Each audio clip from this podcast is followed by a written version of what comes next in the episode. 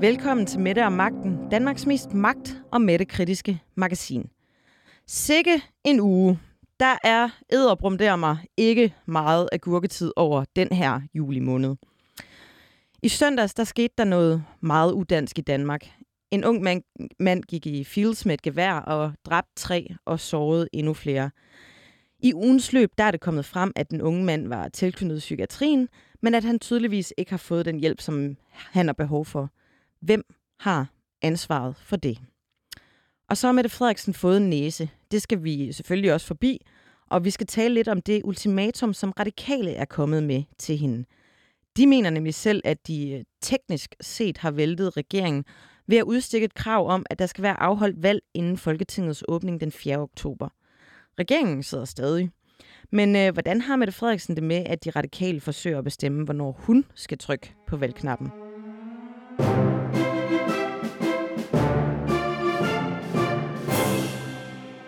Vi kommer desværre ikke udenom det forfærdelige skyderi i Fields søndag den 3. juli 2022. Her blev tre dræbt og endnu flere såret. Som udgangspunkt er det en uskik at gøre hver en tragisk hændelse, hændelse politisk, men den her hændelse er politisk, desværre. For den fortæller noget om en psykiatri, der i den grad har brug for opmærksomhed. Det står i regeringens forståelsespapir, at der skulle udarbejdes en 10-årig psykiatriplan i den her regeringsperiode, men indtil videre er der et møde i bogen til september. Det er et område, der halter en del. Det, som den her plan skulle indeholde, er nogle mål om at mindske antallet af indlæggelser, nedbringe ventetiden og øge gennemsnitslevealderen for mennesker med psykiske lidelser. For fakta er, at psykiske lidelser er den fjerde mest hyppige dødsårsag i Danmark, og at antallet af psykiatriske patienter, der behandles på et sygehus, er steget med 30 procent det seneste årti. Til sammenligning er antallet af patienter med somatiske sygdomme steget med 13 procent i den samme periode. Tilbage i maj måned, der stillede Pia Olsen Dyr Mette Frederiksen et spørgsmål om den her psykiatriplan. Øhm, det øh, var et spørgsmål, der blev stillet under Folketingets spørgetime, og de havde en lille dialog øh, om de vilkår, blandt andet børn har i Danmark. Det lød sådan her. En af de ting, SF foreslog for et år siden, det var, at vi ændrede lovgivningen, så i stedet for, at man ikke bare kan hjælpe børn, der mistrives, men man derimod skal hjælpe børn, der mistrives, så vi undgår det her. Derfor vil jeg gerne spørge, om statsministeren kan bakke op om det forslag, vi griber børnene, før vi kommer så langt ud og ændrer lovgivningen til skal i stedet for kan. Statsminister? Jamen, jeg er villig til at diskutere mange forskellige ting, men spørgsmålet om ikke vi skal gå et spadestik endnu dybere, fordi vi lever, øh, synes jeg, i en tid, hvor mange af de gamle naturlige fællesskaber bliver færre. Og jeg tror, der er mange af os, mig selv inklusiv, der på grund af det frivillige Danmark har fået løst mange problemer og udfordringer igennem livet. Øh, og, og ikke haft behov for professionel hjælp, eller at systemet så at sige er gået i gang, fordi så har man siddet om, i omklædningsrummet og blevet grebet, altså nu et billede i talt, grebet af øh, sit fodboldhold, eller sit håndboldhold, eller hvem det nu har været, øh, eller for mit vedkommende via øh, FDF eller politisk ungdomsarbejde. Og jeg tror, vi, vi inden vi gør det, gør det kun til en systemdiskussion, efterlyser jeg også en lidt mere grundlæggende kulturdiskussion. Fordi jeg tror, vi mennesker kan rigtig meget for og med hinanden i de tætte relationer, så man slet ikke har behov for behandling i virkeligheden. Men, men de naturlige relationer og fællesskaber bliver færre og færre, færre, og færre og færre børn deltager i dem.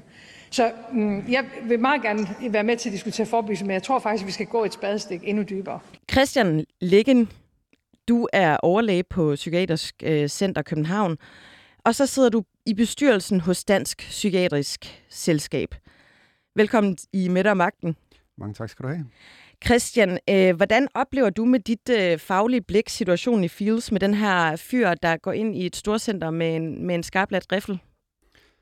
Øh, jamen, ud fra et psykiatrisk perspektiv, så, så jeg kender jo ikke øh, detaljerne i den, i den pågældende sag, men ud fra det, der har været fremme i de brede medier, øh, så kan man jo få det indtryk, at han, at han lider af, af en svær øh, psykiatrisk lidelse. Øh, og der oplever vi nogle gange, at de her tragiske hændelser kommer frem, øh, og som er meget dramatisk, øh, og som vi alle sammen bliver præsenteret for i medierne. Øh, jeg, jeg vil sige, at vi oplever jo mange dramatiske hændelser i psykiatrien, øh, faktisk dagligt. øh, arbejder vi jo med øh, svære problemstillinger. Her er det jo udadreagerende adfærd, men det er jo ofte rettet imod patienten selv, øh, i form af selvmord, eller selvskade, eller ulykker, eller andre ting. Men også voldsomme hændelser som det her, det arbejder vi jo ofte med. Og det er ofte noget, vi ser blandt de sværest øh, psykisk syge. Øhm, og de har jo brug for den rette behandling og den rette opfølgning. Øhm, og i øjeblikket er det svært at nå øh, at, at give den, altså fordi at enderne mødes ikke rigtigt med de ressourcer, vi har til rådighed i øjeblikket. I hvert fald ikke over hele linjen. Øh, så vi ønsker at, øh, at kunne levere et bedre produkt og, og, og løfte det her ansvar, som, som jeg synes, vi allerede løfter, men selvfølgelig er det ikke altid, at man øh, kan komme i mål med det.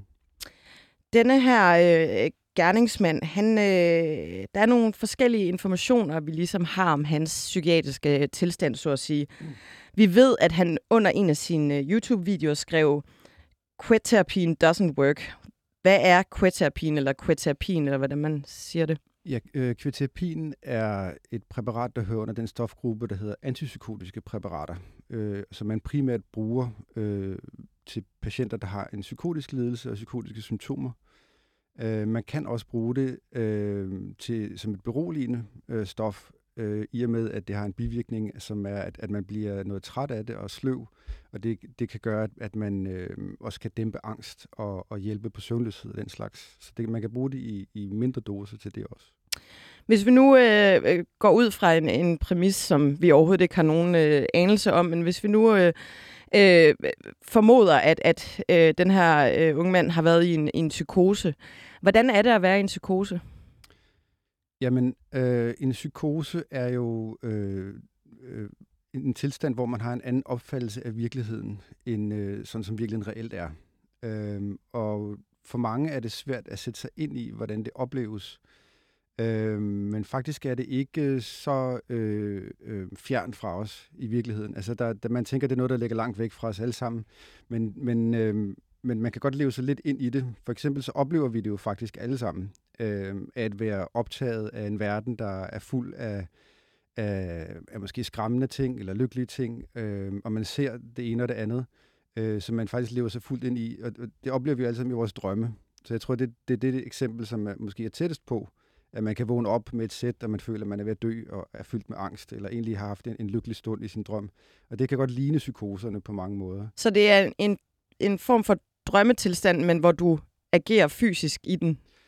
Ja, altså øh, det adskiller sig selvfølgelig fra, at man ikke sover, når man har sin psykose, men man oplever øh, for, eksempel, for eksempel vrangforestillinger eller, eller hallucinationer som de mest hyppige symptomer, og de fremkommer fuldstændig virkelige, altså de er virkelighedstro, så det er ikke sådan, at man, man oplever at se nogen eller høre nogle stemmer, og, og de virker sådan lidt falske eller kunstige, og man på den måde kan tage afstand fra det. Men man kan være fuldstændig grebet af den her fornemmelse.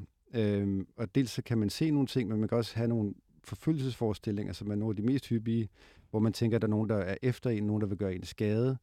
Og så kan man så i nogle tilfælde handle på det, øhm, ud af den frygt, man så står i, og det kan så have, have konsekvenser, som, som måske er tilfældet her i Fields, uden at jeg ved nøjagtigt, hvad baggrunden er. Hvordan er det så, når man ligesom kommer ud af den her tilstand? Altså... Jamen, øh, vi har jo sådan varierende... Kan man huske, hvad man ikke, har? Ikke altid. Mm. Altså, det, det kan, kan, en stor del af patienterne kan godt huske, hvad der er sket, men det er ikke alle, der kan huske præcis, hvad forløbet har været. Øh, lidt ligesom hvis man selv har været grebet af et eller andet, været ude af sig selv, så kan det være svært at referere præcis, hvad der er foregået i den periode. Øh, så det er ikke alle, der kan huske præcis, hvad der er foregået. Øhm, ifølge DR, så har gerningsmanden forsøgt at, at ringe til en kriselinje umiddelbart, inden han går i fields. Altså, øh, med dit sådan psykiatriske blik, hvad skulle man have tilbudt sådan en, en øh, fyr som ham her? Altså, lad os nu sige, at du sidder i den anden ende af, af kriselinjen. Hvad vil du have, have gjort? Jamen det første og det vigtigste, og, og noget af det, som kriselinjer faktisk er rigtig gode til, det er at, at få kontakt. Altså det, at man kan få kontakt til patienterne derude, som er i en sårbar situation. Så det vigtigste er, at man bibeholder den kontakt. Og så vil man jo selvfølgelig gerne øh, få patienten ind, så man kan tale med folk og se selv, hvordan folk egentlig har det. Øh, det kan være vanskeligt over en telefon. Så umiddelbart så ønsker man jo, at man kan få patienten øh, bragt til en skadestue, eller man kan tage ud til patienten, øh, og, og der så tale med patienten og vurdere nærmere, hvordan situationen egentlig ligger. Og hvis det så er så gralt, at man er påvirket af psykotiske symptomer, og måske har vrangforestillinger, og særligt hvis man øh, er ude af sig selv og er, er, er anspændt og vred og sådan noget, så er der jo en god grund til at indlægge folk, netop for at forebygge, at sådan noget her sker, men også at, at man, øh, patienten selv kommer til at gøre skade på sig selv. Og sådan noget. Han, er, han har jo stillet sig selv i en, i en forfærdelig situation, og, og hans familie. Og, øh, så, så, så det er meget ulykkeligt alt i alt, når vi ser de her hændelser. Så først og fremmest så handler det om at skabe kontakt og holde fast i den kontakt, indtil man er sikker på, at man er tryg og kan, kan håndtere situationen. Og det er jo det, vi arbejder med hver dag. Altså både med, med sådan nogle tragiske hændelser som det her, hvor man forebygger voldsomme episoder, men som oftest er det jo, når patienterne øh, er i risiko for at gøre skade på sig selv, og i værste tilfælde selvmord. Altså nu øh, hørte vi her før i, i klippet, at øh, Mette Frederiksen ligesom siger, at man, man, det kan også hjælpe at gå til spejder, eller det kunne også øh, måske hjælpe at gå en tur eller sådan noget. Er det overhovedet et element, der kan indgå i den, i den psy- psykiatriske behandling? Øh, ja, altså det, det, det synes jeg faktisk, altså, øh, men det skal have sin rette plads.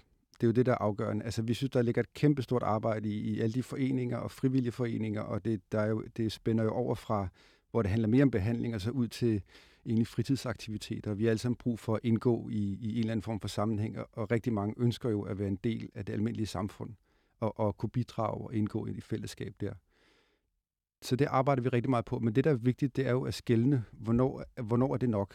Øhm, og det er jo sådan med psykiske sygdomme, så, så vi kender jo alle sammen det at være triste og nedtrykte, eller forvirret og vrede og sådan noget. Og, og ofte har man den der fornemmelse af, jamen, tag dig dog sammen, og nu skal du se, du skal bare gøre sådan og sådan. Og det er også fint, og det virker jo for rigtig mange mennesker, men der er en grænse. Og øh, på et tidspunkt, så kan man ikke håndtere det, så bliver man domineret af, af den symptomatologi, man så har. Det kan være en depression eller psykose, eller hvad det er. Og i de tilfælde, der har man brug for faglig ekspertise, som kan skælne det, og som kan vurdere det, og har de rette kvalifikationer til at sætte det ind med den hjælp, så man forhåbentlig på et tidspunkt kan komme tilbage over på den anden side, hvor man kan komme ud og gå til spejder, og have nytte og alt det der. Fordi vi vil rigtig gerne have, at folk kommer tilbage så vidt muligt i civilsamfundet og bidrager og kan være der for deres familie og venner og job og uddannelse og de ting.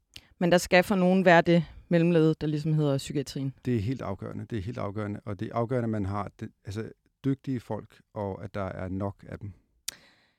Da gerningsmanden her han bliver sigtet og, og varetægtsfængslet, så, så siger anklageren, at han skal på psykiatrisk afdeling, men at der ikke er plads.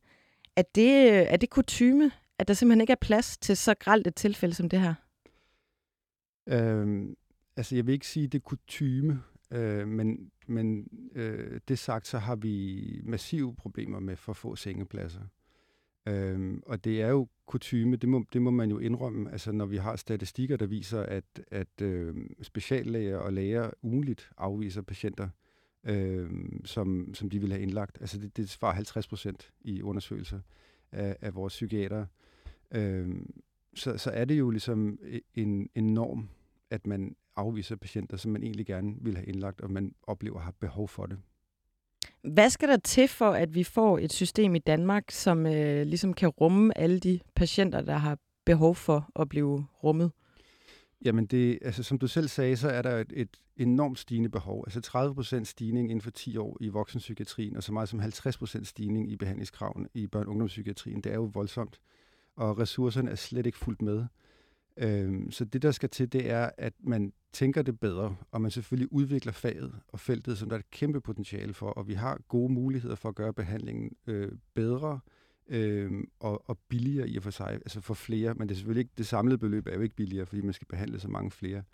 Men potentialet er stort, øh, og der ligger det her faglige oplæg fra Sundhedsstyrelsen, som er meget gennemarbejdet, og alle organisationer står bag. Altså vi øh, som psykiater øh, støtter op om det. Alle patientforeninger, alle pårørende foreninger, alle altså sygeplejerskerne, socioassistenterne, alle faglige foreninger står op bag det her faglige oplæg, som Sundhedsstyrelsen har lagt et kæmpe arbejde i at udarbejde. Og sundhedsministeren har selv bedt om det jo, og det er en del af forståelsespapiret, og, og regeringen er gået til valg på det. Øhm, så jeg synes, vi er lidt i en historisk tid, hvor at øhm, at man tænker, hvis ikke nu, så hvornår? Hvornår skal vi så have en holdbar plan for psykiatrien?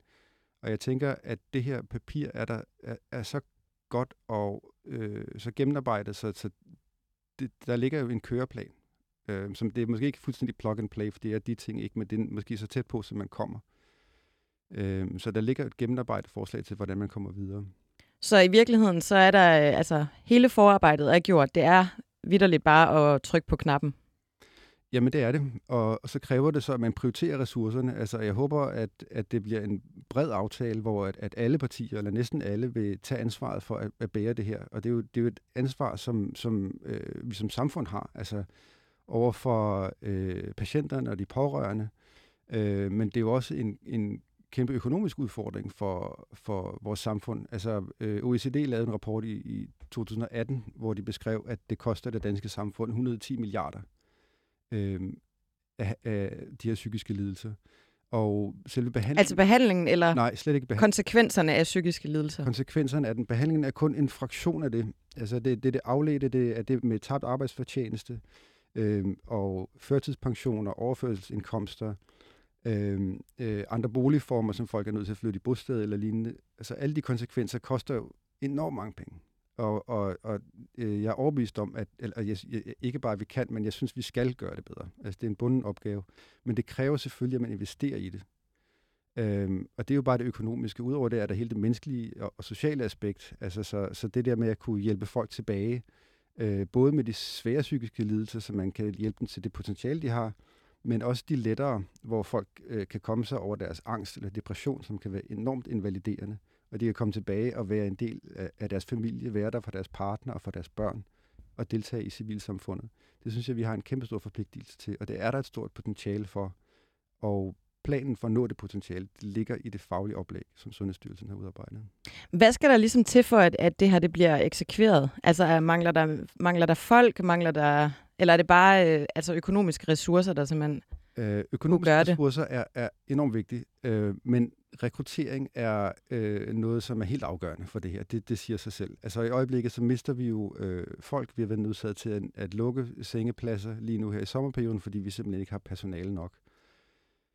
Det, som er afgørende for at kunne holde fast på folk, det er, at man kan skabe en ordentlig ramme, som folk kan være i. Altså psykiatrien er et fantastisk sted at arbejde, og at man gør en afgørende forskel for virkelig mange mennesker. Vi har snakket om, at vi forebygger voldsepisoder og redder folks liv øh, i form af selvmordsforebyggelse. Men det er en meget givende arbejdsplads. Øh, og vi har mange patienter, der er enormt taknemmelige, men det kræver, at man kan levere en behandling, øh, som er god nok. Og der, hvor man ikke kan det, hvor man udskriver folk for tidligt, hvor man ikke kan indlægge folk, der øh, kan man jo ikke kigge hinanden i øjnene. Og det, det, det tærer på os, når man ikke kan levere den behandling. Og så går der skov af os. Og så hvis, hvis det er det, man oplever dag efter dag, så kan jeg jo godt forstå, at man med tiden tænker, er der et bedre sted, hvor at jeg kan bruge mine ressourcer? Så det kræver en investering i udvikling og øh, flere øh, hænder, så man kan levere øh, kompetent øh, på de arbejdsopgaver, man bliver stillet. Ja, fordi nu er, nu er du lige selv lidt inde på det, men jeg tænker jo også, at det vel nærmest på en eller anden måde er lidt i strid med det lægeløfte, man har givet, når man sender folk ud af døren, som, øh, som tydeligvis måske skulle have haft en, en seng at sove i, i, i et par dage og lige komme, komme ovenpå. Ja, øhm, og det er, det er et etisk dilemma, og det er et dilemma, vi står i mange steder. Altså det gør man jo også i somatikken. Øh, men, men man har jo en, en opgave om at løse det her, og vi, vi løfter jo et, et kæmpe ansvar primært for de enkelte patienter, vi står overfor. Men vi er jo klar over, øh, at der også er et samfundsansvar for at få, få syst, hele det psykiatriske system til at fungere og kunne bære. Øh, så så vi, vi, har jo flere kasketter på på den måde, og må, må ligesom prioritere de ting, og, og det arbejder vi benhårdt med hver dag. Altså, øh, i forhold til det her område, som jo er tydeligvis øh, underprioriteret, det psykiatriske område, Hvorfor er det, man ikke opfatter psykisk sygdom øh, på samme måde, som man vil øh, opfatte somatiske sygdomme? Altså, hvorfor er det på en eller anden måde bedre at få kræft, end det er at være skizofren? Ja, ja, det er også en meget pussy ting. Altså, det er jo enormt øh, stigmatiseret område og tabuiseret, og det er heldigvis blevet meget bedre her på de senere år, hvor at, at mange melder ud og, og fortæller åbent om deres øh, psykiske problemer. Men det har været præget af meget skam i, i meget lang tid, og det er jo pudsigt, fordi Øh, altså, det berører jo, jo os alle sammen. Altså, det psykiatriske område, det er jo os alle sammen. Tallene viser, at hver tredje dansker vil, vil, vil få behandling i psykiatrien. Og jeg tror ikke, der er nogen, der skal tænke sig særlig meget om, før at man kommer på en af, af sine nære relationer, som har haft eller har øh, psykiske problemer. Så vi er alle sammen bekendt med, hvor, hvor meget det fylder, og hvor meget det tærer, både på den enkelte, men også på, på, på de, de nærmeste det, der er lidt sjovt ved det, det er jo det her med, at vi har et forhold til det. Vi har altid en fornemmelse af, hvordan er det at være trist og nedtrykt og mangle energi og sådan noget der. Og det samme, med, man godt føle, at man er opstemt, så man er tæt på noget, der er manisk. Og, øh, så man har en god fornemmelse for det, men, men det sidste med sådan rigtigt at forstå, hvad det egentlig indebærer, øh, det er sådan svært.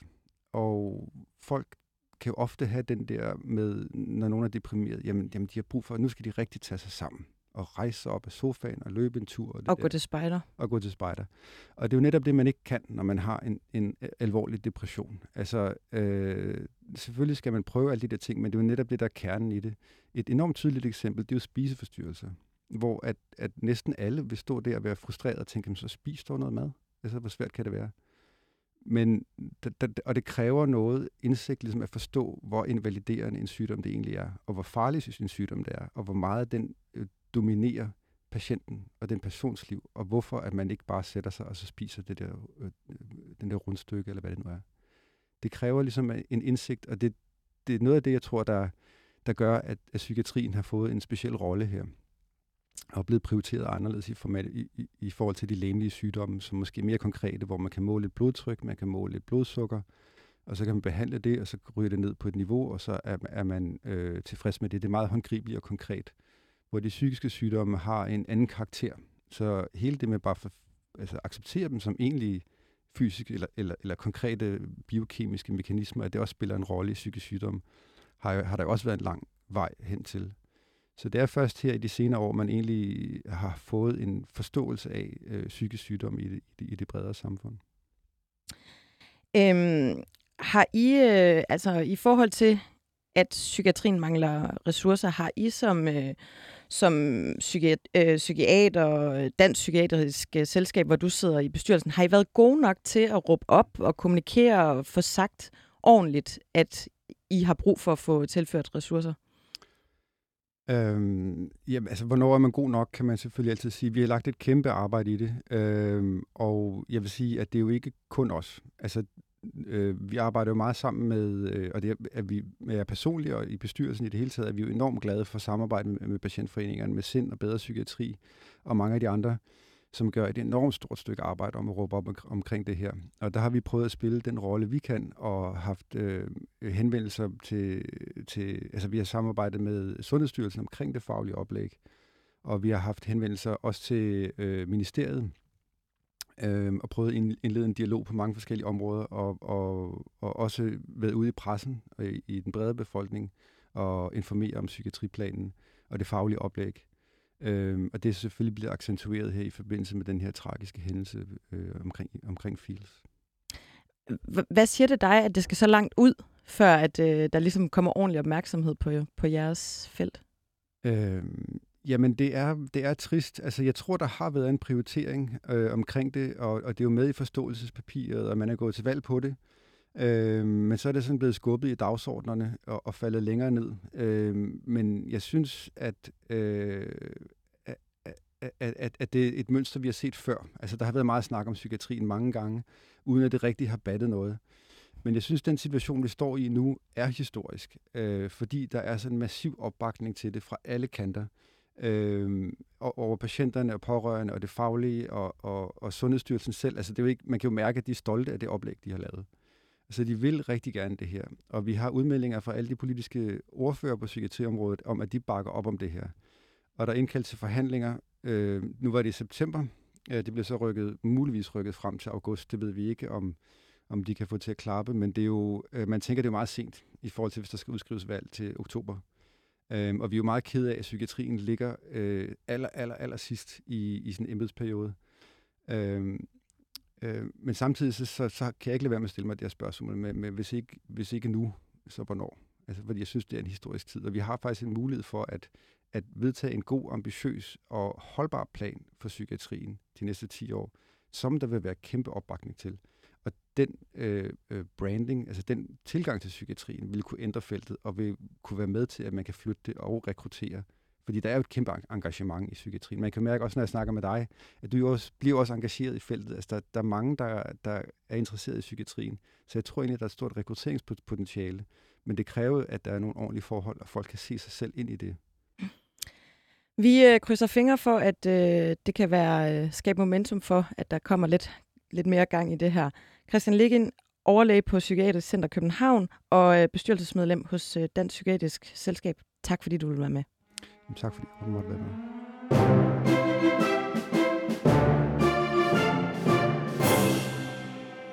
Jane Heitmann, du er psykiatriordfører for Venstre, og øh, du har jo ligesom alle os andre øh, fulgt de her øh, forfærdelige øh, begivenheder ude i Fields.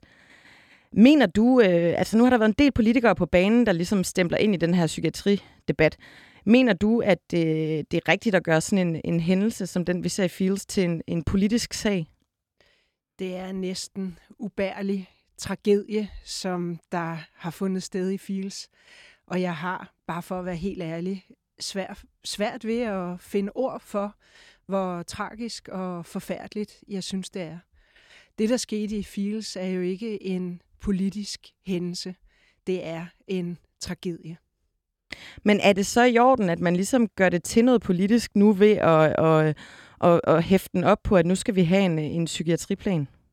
Det, der er politisk i, i det her, hvis man kan tale om det, det er jo, at vi meget, meget længe har ventet på, at regeringen skulle lægge deres forslag frem til en ny 10-årsplan for psykiatrien. Socialdemokraterne gik til valg på en ny 10-årsplan for psykiatrien, og det samme gjorde vi fra venstre side. Vi gik også til valg på en ny 10-årsplan for psykiatrien. I januar der fik vi et meget, meget flot fagligt oplæg fra Sundhedsstyrelsen, som både er rost af civilsamfundsorganisationer, fagprofessionelle, men også hele det politiske niveau på Christiansborg. Og set i det lys, der tror jeg, at vi er mange, der har undret os over, når der nu sådan åbner sig en ottesporet motorvej foran regeringen, at øh, der så ikke er kommet et udspil for regeringen med et forslag til en ny 10-årsplan. Fordi vi ved alle sammen, at der er brug for den. Hvad er, hvad er din analyse af grunden til, at den, det ikke er kommet, når ligesom forarbejdet ligger her? Jamen, jeg tør ikke spå om regeringens bevæggrunde, men øh, jeg har da noteret mig, at andre politiske partier, ligesom også i Venstre, har undret sig over, at der ikke er kommet noget. Jeg har også hørt adskillige øh, civilsamfundsorganisationer, men også fagprofessionelle undrer sig over, at når der nu ligger et meget, meget stærkt fagligt udspil fra Sundhedsstyrelsen, at man så ikke bruger det. Fordi der er nu en helt unik mulighed for at både styrke forebyggelsen, styrke behandlingsindsatserne, men også at styrke den indsats, som man kan tilbyde mennesker, der er brugere i psykiatrien og deres pårørende, når de har afsluttet et forløb, for eksempel på et af regionernes sygehus. Øhm, hvad har I Venstre gjort for ligesom at presse på, for at, øh, at øh, Socialdemokratiet eller Regeringspartiet skulle komme ud af, af starthullerne med den her plan? Jeg tror faktisk ikke, at jeg kan komme i tanke om, at jeg har misset en eneste lejlighed til at spørge sundhedsminister Magnus Heunicke, hvornår kommer regeringen med et udspil til en 10-årsplan, eller hvornår skal vi til forhandlinger. Jeg har stillet skriftlige udvalgsspørgsmål, som det hedder. Jeg har spurgt på samråd. Lige før sommerferien havde vi faktisk et samråd, hvor børne- og undervisningsministeren også var med. Også her, der spurgte jeg, hvornår sker der noget, minister? Og hver gang, der har svaret stort set været det samme, nemlig at man er enten ved udenom, eller også så har man svaret noget i retning af, at det kommer, når det kommer. Nu har I jo også øh, i Venstre selv siddet i regering. Øh, endda i, i mange år, og I havde jo øh, regeringsperioden før den socialdemokratiske regering. Har I selv gjort nok for at, at styrke psykiatrien, eller sikre, at der er ordentlige øh, forhold for de mennesker, der har brug for at, at komme i psykiatrien? Det er et spørgsmål, jeg har stillet mig selv mange gange. På øh, bagkant af det her, eller? Nej, i det hele taget, fordi det er jo ikke, hvad skal man sige, der er jo ikke noget nyt i, at psykiatrien er udfordret. Det var psykiatrien også, da vi havde regeringsansvaret i sidste valgperiode under VLAG-regeringen. Og sundhedsområdet har traditionelt været prioriteret meget, meget højt for os i Venstre. Og det var det også i sidste valgperiode. Vi lagde blandt andet et forslag til en ny syvårsplan frem. Vi prioriterede midler, målrettede midler i den økonomiaftale, som blev lavet mellem VLAG-regeringen og danske regioner. Det er sådan en aftale, som den til hver en tid siden regeringen laver en gang om året, og det gjorde vi også. Og vi prioriterede faktisk målrettede midler til psykiatrien. Så vi startede et løft af psykiatrien. Og så kan man spørge sig selv, blev vi færdige? Nej, det gjorde vi ikke. Og det var jo blandt andet derfor, at vi også gik til valg på, at vi ønsker en ny 10-årsplan for psykiatrien, som en afløser fra den syvårsplan, som vi jo selv stod fader til, da vi havde regeringsansvaret. Jenne Heidmann, helt kort her til sidst. Hvad vil du ligesom gøre nu for at presse på for, at, øh, at der også bliver for alvor rykket på den her psykiatriplan nu? Jamen, jeg har jo tilkendegivet mange gange, at den forhandling, som der jo så nu endelig er indkaldt til at blive indkaldt til lige før sommerferien til september, at der synes jeg sådan set, at det vil være øh, en god idé at rykke de forhandlinger frem. Jeg kan ikke finde et eneste godt argument for, at man skulle vente helt til september. Det er to måneder fra nu. Øh, jeg synes, det vil klæde regeringen at indkalde til forhandlinger allerede i august, så vi kan få taget hul på de her vigtige diskussioner. Man skal huske på, at det her det handler om rigtige mennesker. Rigtige levende mennesker. Det er fædre, det er mødre, det er børn, det er unge. De har brug for, at vi tager ansvar. Så jeg er glad for den tilkendegivelse, der er kommet fra sundhedsministeren om, at nu rykker man forhandlingerne frem til august. Vi ser om, øh, vi følger selvfølgelig forhandlingerne til august, også her i Midte af Magten. Jane Heidmann, du er psykiatriordfører for Venstre. Tak fordi du kom øh, i studiet. Velbekomme og god ferie.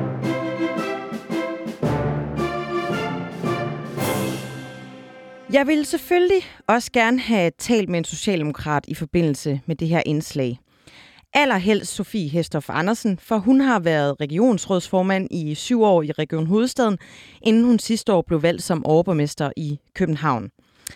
Der blev i løbet af ugen holdt en mindehøjtidlighed for offrene for filskyderiet, og Hestorf, hun var på plads og holdt en tale. Det lød sådan her. Det er dig, og det er mig, der skaber livet og de givende fællesskaber i vores by. Og vi vil fandme, undskyld jeg banner, ikke finde os i, at der bliver skudt i vores gader.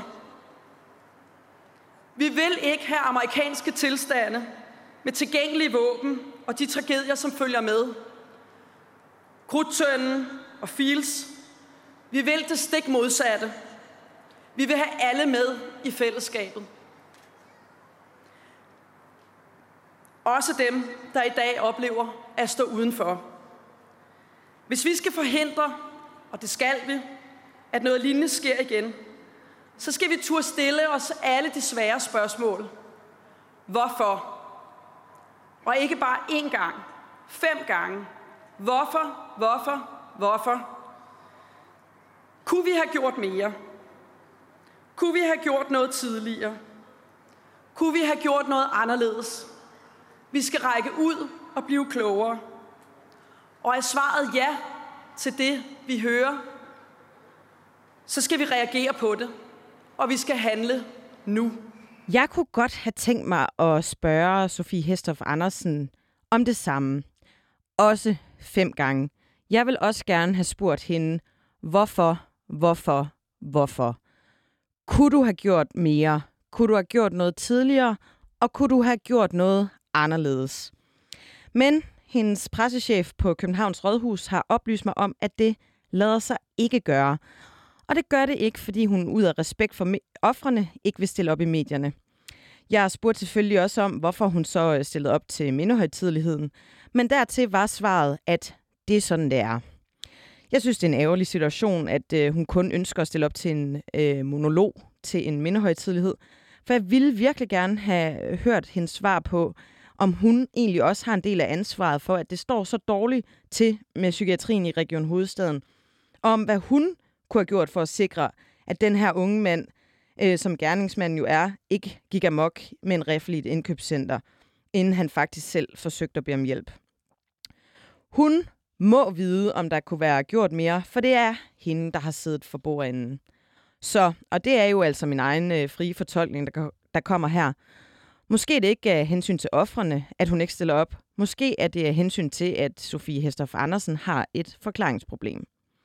Men øh, med klassisk socialdemokratisk sans for gerne at ville bade sig i spotlightet, men blive væk, når der skal uddeles ansvar, så stiller Sofie Hesthoff Andersen ikke op. Landets øverste leder, Mette Frederiksen, hun har også i forbindelse med skyderiet været nede og kigge i sin redskabskasse med standardsvar.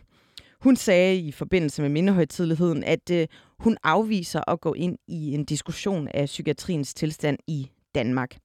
Det kan jeg faktisk godt forstå, fordi hun har haft det allerøverste ansvar de sidste tre år. Og det her, det må gøre ondt på hende, for hun har svigtet. Men Mette Frederiksen mener ikke, at tiden er til at snakke om politisk ansvar. Man kan undre sig over, hvad tiden så er til, for den er åbenbart heller ikke til at snakke om Mink-kommissionens rapport eller om hendes egen næse.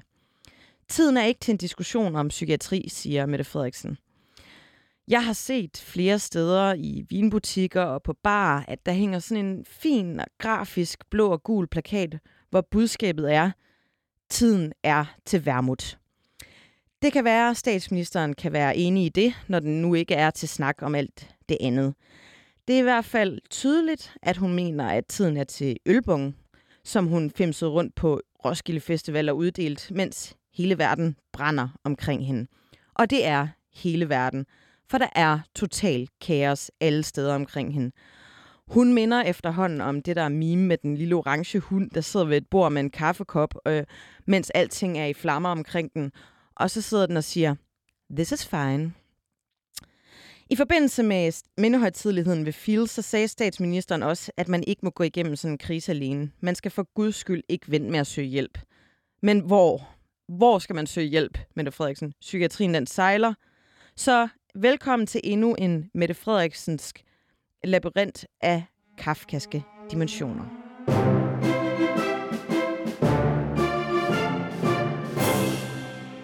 Og nu flytter vi os fra den ene kafkaske labyrint til en anden. Mette Frederiksen hun har i den her uge fået en næse af støttepartierne, og så er de radikale meldt ud, at de kræver, at Mette Frederiksen udskriver valg inden Folketingets åbning den 4. oktober. Hans Mortensen, politisk journalist på Weekendavisen. Øhm, først vil jeg lige spørge dig, er det her i en politisk optik også den mindst agurkede agurketid, du nogensinde har oplevet? Uh, jeg kan i hvert fald ikke lige huske noget, der har været så dramatisk uh, uh, hen på sommeren som det her.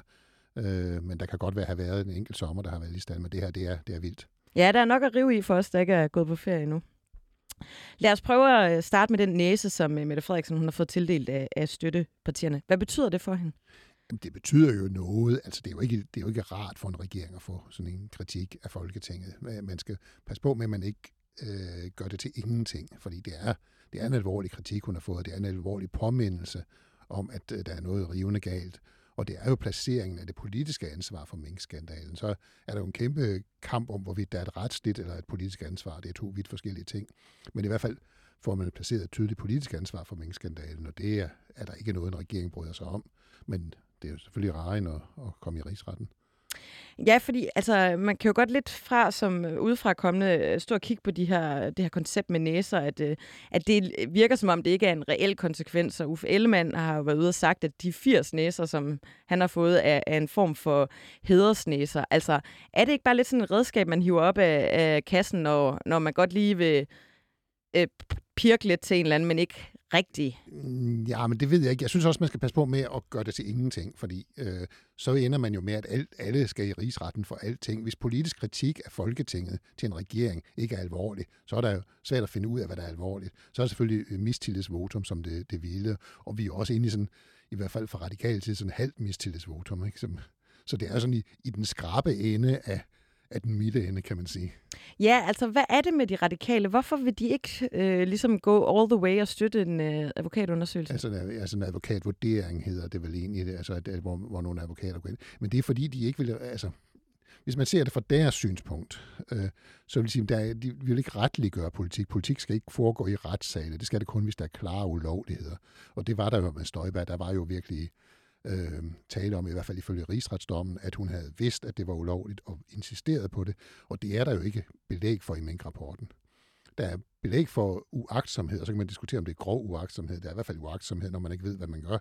Øh, men altså, de radikale har det argument, og det er der mange, der har. Det er der også mange øh, jurister, der har været ude at sige, at, at, at øh, vi skal ikke få politik flyttet over i retssalet. Vi skal have sådan et amerikansk system. Det skal foregå i Folketinget. Det er Folketinget, der tager stilling til, om noget er politisk alvorligt eller ikke alvorligt.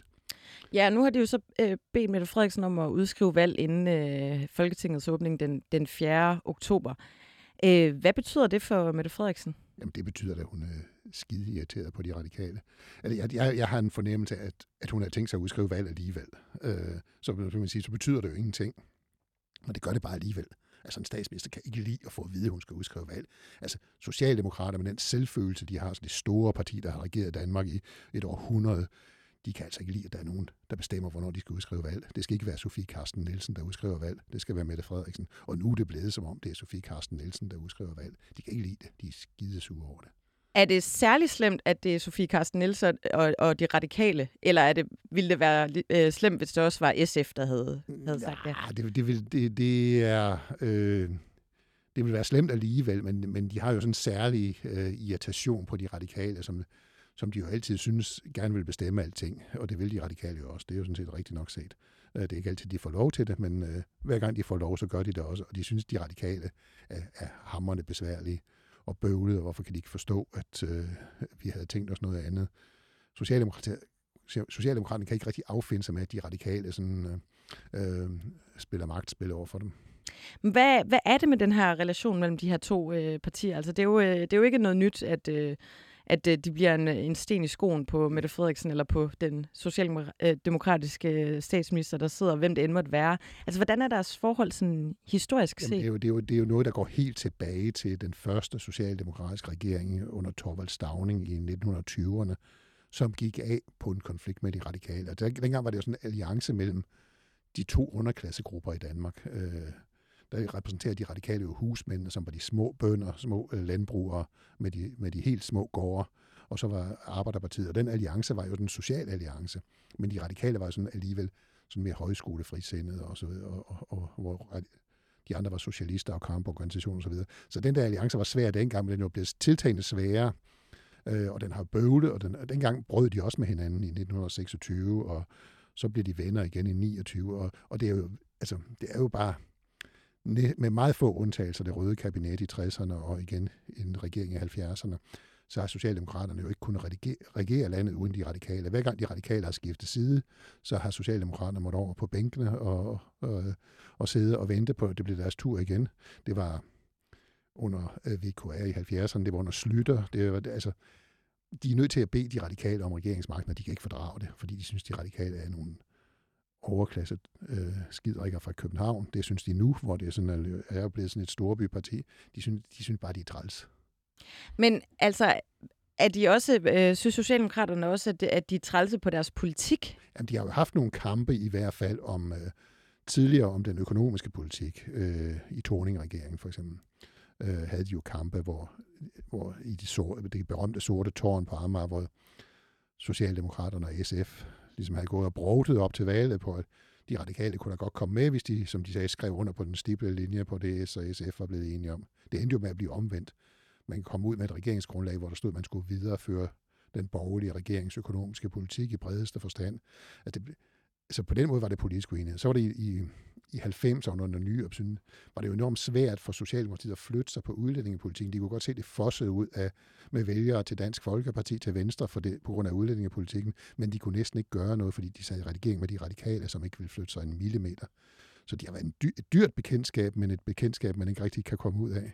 Så det er virkelig hate and, and love mellem Ja, det er, som man sagde om Venstre og Konservative, et had-kærlighedsforhold, bare uden kærlighed.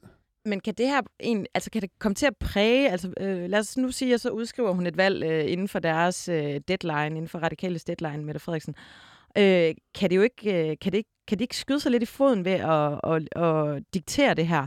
Altså kan det ikke komme til at påvirke dem, når, når der så står, de står og skal lave en regering potentielt? Jo, altså, det bliver der, altså der er jo en formodning om, og det, det er jo noget, man skal jo, man skal jo virkelig ikke forudsige politik i øjeblikket, for alt er virkelig oppe i luften. Det har aldrig været mere spændende. Øh, men der er jo en formodning om, at det godt kunne ende med, at de radikale og SF skal med i regeringen efter et valg, fordi de radikale har jo også sagt, at de vil ikke støtte en socialdemokratisk etpartiregering efter et valg. Det, det er no way, det kommer de ikke til. Så den bliver svær at undgå. og det bliver jo ikke i den bedste stemning, altså. Det bliver en stemning af, jeg har tvunget os til at udskrive valg, nu tvinger jeg regering. Altså, vi gider faktisk ikke have jer, men, øh, men vi kan ikke slippe for jer. Det er jo ikke, det er jo ikke særlig god relation at starte på. Det bliver jo en, en, en, en regering med masse indbyggede problemer. Ja, det, øh, det er meget spændende, som du siger, øh, at alting er øh, up in the air. Så lad os lige prøve også at vende den sådan helt overordnede politiske situation. Hvad er det for et øh, politisk landskab, vi forhåbentlig snart går på sommerferie på? Øhm, Megafon de har lige lavet en, en ny måling for TV2, og der er det faktisk øh, Blå Blok, der ligesom er i front øh, og har flest mandater. Inger Støjberg, som er blevet opstillingsberettiget, hun står til i den her måling til 10,8 procent af stemmerne. Og øh, vi har et Dansk Folkeparti, der er under spærregrænsen med 1,7. Øh, og Socialdemokratiet er faktisk nede på, på 21,7. Det er et godt stykke under de øh, 25,9, som de, de fik til valget. Altså er det ligesom om, at banen bare er blevet åbnet helt på ny her, Hans? Ja, det, det er den der i høj grad. Altså nu skal man også huske, at øh, Megafon er det institut, der altid måler rød blok lavest og Socialdemokratiet lavest.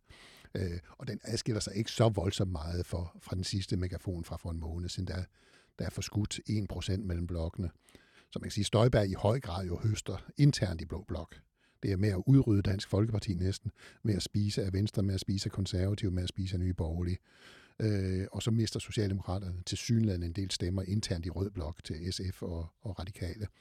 Så, så, så mellem blokkene forskyder det ikke så meget. Det, den der forskel på rød og blå har, har længe været lille hos Megafon. Den er noget større hos andre institutter. Så, så om, om, det, om, om blokkene sådan er i forskyden, det er lidt svært, men der sker jo nogle vilde ting internt i blokkene. Øh, dels at, at øh, Socialdemokratiet mister kraft internt i rød blok, men at Inger Støjberg er ved at støvsuge blå blok og er ved at udrydde Dansk Folkeparti. De ligger under spærgrænsen i den seneste voksmeter, øh, som kom for en uge siden, lå de på 2,2, altså lige over spærgrænsen, men det er der omkring, altså Dansk Folkeparti kan forsvinde. Og det betyder så også, at der kan blive et kæmpe stemmespil på blå side. Altså at hvis de ryger under spærgrænsen i 1,8, så kan kristendemokraterne få 0,5, og øh, så kan der pludselig være en 2-3 procent på blå side, som ikke bliver repræsenteret. Det er jo egentlig en fordel for Mette Frederiksen. Men er det ikke lidt det samme situation på, på den røde side, hvor vi har et øh, alternativ, og vi har nogle frie grønne? Og... De står ikke til særlig mange stemmer. De står til meget færre stemmer. Øh, de har mange partier, men det, det, det er de der, når, når de kommer op der over halvanden procent og ikke bliver repræsenteret, så er det, det begynder at koste de andre, de røde små partier står jo til at få meget, meget, meget få stemmer. Det ser, stemmespillet ser mere kritisk ud på, på, øh, på den blå side. Og så er der jo også det, at, at moderaterne er jo ikke sådan i, i sikkerhed for spærregrænsen. Øh, Liberale Alliance er heller ikke sådan helt i sikkerhed. Så, så der er mange, der sådan, øh, sådan er lidt... Øh, det kan, det, kan, det kan blive meget spændende.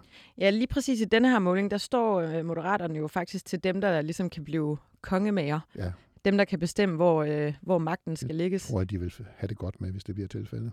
Jamen, det er vel også lidt det, øh, Lars Lykkes projekt det, går ud det, på. Det, hvis man kan finde ud af, hvad det projekt går ud på, så er det det. Så er det jo med at blive et magtparti. For, øh, altså, Lars Lykke har prøvet alt i politik, og kom til at sidde med et parti uden indflydelse i fire år.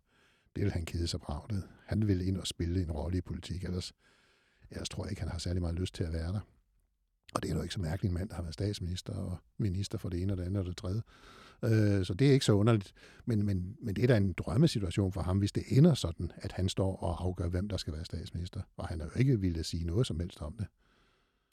Der er lige en, en øh, sidste ting her, ganske kort til sidst, øh, omkring den her måling. Øh, TV2 øh, har også bedt Megafon om at spørge vælgerne, der er frafaldet Socialdemokratiet, om hvorfor de ligesom er, er hoppet fra borger.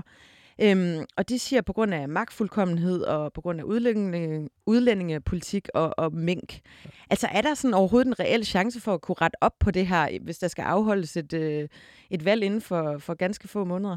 Noget kan man jo rette op på, fordi Socialdemokratiet, de ved godt, at den der magtfuldkommenhedsdiskussion ikke er god for dem. Og det er jo derfor, at de for eksempel går ud og foreslår en bred regering, og det er derfor, at de sætter annoncer i om alt det samarbejde, de har lavet osv. Noget kan man selvfølgelig gøre, men det er jo svært at også ændre politisk signal. Så er problemet med udlændinge. Hvorfor går det på grund af udlændingepolitikken? Synes de, de er for grimme i udlændingepolitikken, eller synes de, er for blide? Ikke? Øh, fordi hvis de synes, de er for sorte i udlændingepolitikken, eller for, for hårde i udlændingepolitikken, så går de jo bare internt i blokken. Så er det jo ikke så slemt. Det er værre, hvis de begynder at synes, Socialdemokraterne har slappet af på udlændingepolitikken, nu går vi over til de borgerlige. Fordi hvis man bare mister til, altså det er jo selvfølgelig ikke så rart, men, hvis man mister til radikale og SF enhedslisten, så er det jo ikke så slemt. Hans Mortensen, politisk journalist på Weekendavisen. Tusind tak, fordi du lige gad at komme og tage temperaturen her i sommervarmen.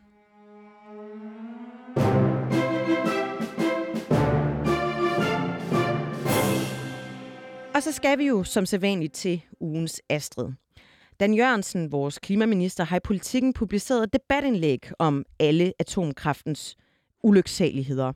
Her leverer han en bredside til Venstre, Konservativ og Dansk Folkeparti, og det gør han sammen med fem afsendere fra enhedslisten, øhm, SF, Radikale, Dansk Industri og Green Power Danmark. Eller gjorde han? For øh, BT har i den her uge afdækket, hvordan de øvrige afsendere ikke kendte til debatindlægget, før det blev publiceret i politikken overhovedet. Det øh, kom faktisk noget bag på dem, og Dansk Industris øh, Troels Ranis siger til BT, jeg var, det var jeg temmelig overrasket over at se i avisen. Lad mig sige det sådan her. Det er i hvert fald øh, slet ikke udtryk for Dansk Industris holdning, og vi har ikke hørt noget om, at det her indlæg var på vej. Og de radik- øh, radikales Rasmus Helve Petersen siger, jeg har aldrig oplevet noget lignende. Der er dele af budskabet, jeg er enig i, men jeg havde aldrig godkendt at være med på det her indlæg, som også er alt for polemisk i forhold til de blå partier. Og øh, det er selvfølgelig både en ærgerlig og pinlig situation.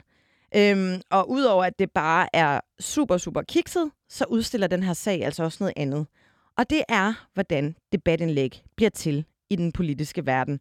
Man kan nemlig nemt forledes til at tro, at når der er debatindlæg i avisen med en masse afsender, så har de her mennesker siddet en hel aften rundt om et bord og blevet enige om, hvad de gerne vil skrive, og skrevet lidt tekst sammen i et Google Doc-dokument. Øh, Men øh, det afslører den her historie altså for det meste ikke er sandt. Og at øh, arbejdsgangen nok har mere været sådan, at der sidder nogle kommunikationsmedarbejdere i et ministerium.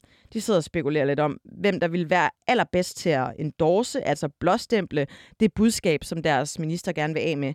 Så skriver de så noget, det plejer man i hvert fald, så sender man det rundt for de andre parter til at kommentere og spørge, hey, vil I egentlig gerne være med i det her overhovedet? Og hvis de synes, det er fjong, hvad der så er skrevet, så godkender de det. Det ryger i avisen, og så øh, bliver det ligesom udlagt som en eller anden form for fælles øh, indsats. Og det her det er der ikke noget øh, odiøst i, at arbejdsprocessen foregår sådan. Det er bare sådan, det er. Men øh, Dan Jørgensen får denne øh, uges Astrid for at skrive læserbrev sammen med nogen, der ikke vil være med i hans læserbrev. Han er minister, og det er i sidste ende hans ansvar, at øh, det, han lægger navn til, er i orden. Tak fordi du lyttede til Mette og Magten. I teknikken der var Mathias Damborg, og jeg hedder Anne Kirstine Kramon.